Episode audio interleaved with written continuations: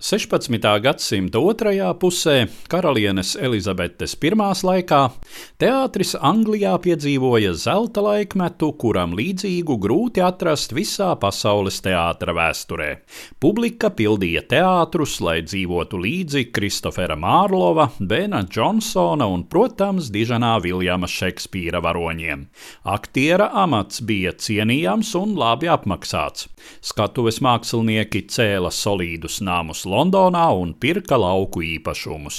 Pie tam piebildīsim, runa ir tikai par aktieriem.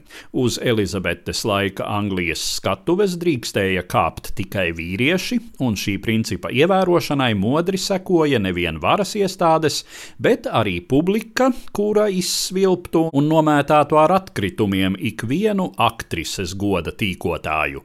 Gan nedaudz bālāka, tomēr joprojām aktīva angļu teātra dzīve turpinājās turpinājās arī Elizabetes varas mantinieku, karaļa Džeimsa I un viņa dēla Čārlza I laikā.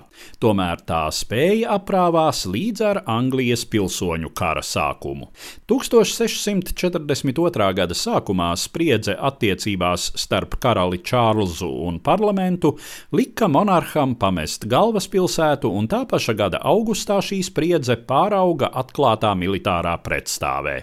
Un 1600 1942. gada 6. septembrī parlaments pieņēma lēmumu par visu Anglijas teātru slēgšanu.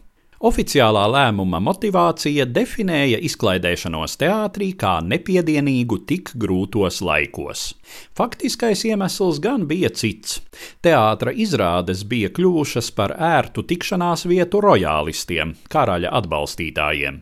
Teātru trupas parasti baudīja kāda karaliskās ģimenes pārstāvja vai cita aristokrāta atbalstu, tāpēc vairums aktieru arī simpatizēja karalim un augstmaņiem, daudzi pat stājās rojālistu armijas rindās. Un vispār teātris jau sen bija šķitis nekrietns grēka perēklis puritāņiem, radikālajiem Anglijas protestantiem, kuri tagad dominēja parlamentā. Ar to skaidrojams, kāpēc aizliegums netika atcelts arī tad, kad grūtie laiki bija garām, pilsoņu karš uzvarēts un nabaga karalis Čārls šķīries no galvas. Gluži pretēji, sodi par teātra spēlēšanu kļuva tikai vēl bargāki. Sava rūpala piekopšanā atkārtoti pieķerti aktieri tika pielīdzināti klaidoņiem, kas pēc tā laika Anglijas likumiem draudēja ar pēršanu līdz asinīm, zīmes iededzināšanu miesā un un izvešanu uz aizjūras zemēm. Skatītājiem draudēja naudas sots. Ziņu par sodīšanas gadījumiem gan nav daudz, acīm redzot, aktieri atrada sev citu nodarbošanos. Bija gan daži, kuri mēģināja aizliegumus apiet. Tā ir ziņas par kādu Robertu Koksu, kurš kopā ar diviem citiem līdzbiedriem ceļojis pa valsti, izrādīdams savus, kā viņš tos dēvēja, jokus. Attiecīgos uzraugus viņš piekukuļojis un oficiāli uzdevis savu nodarbi par virves dejošanas priekšnesumiem. Tomēr šīs uzstāšanās, kas balstījušās primitīvā komismā, nevarēja nesalīdzināt ar iepriekšējā laikmeta dramatiskās mākslas virsotnēm. 1658. gadā nomira pilsoņu kara rezultātā pie varas nākušais diktators Olivers Kromvels. Bez viņa stingrās rokas kārtība valstī ātri pajuka, armija padzina parlamentu un galu galā Skotijas vietvaldis Džordžs Monks ar saviem skotiem iemaršēja Londonā un aicināja nogalinātā karaļa dēlu Čārlzu II Stjuartu ieņemt tēva troni. Notika monarhijas restaurācija, un līdz ar to atjaunojās arī teātru darbība. Tomēr tas jau bija gluži cits teātris. Daudzie angļu aristokrāti, kuri juku laikus bija pārlaiduši Francijā, pārveda no kontinenta turienes gaumi un priekšstatus.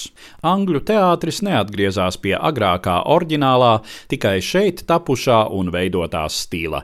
Tas iekļāvās vispārējā Eiropas skatuves standartā, kuru tobrīd pamatā diktēja savā apogejā esošais franču klasicisms ar Korneja un Rasīna traģēdijām un šarmanto komiķi Moliē. Moliēru. Pat Šekspīra ģēnijs desmitgadēs pēc restaurācijas izrādījās nenovērtēts. Tomēr jau līdz ar 18. gadsimta sākumu tas atguva pelnīto ievērību nevien Anglijas, bet visas Eiropas dramaturģijā. Stāstīja Eduards Liniņš.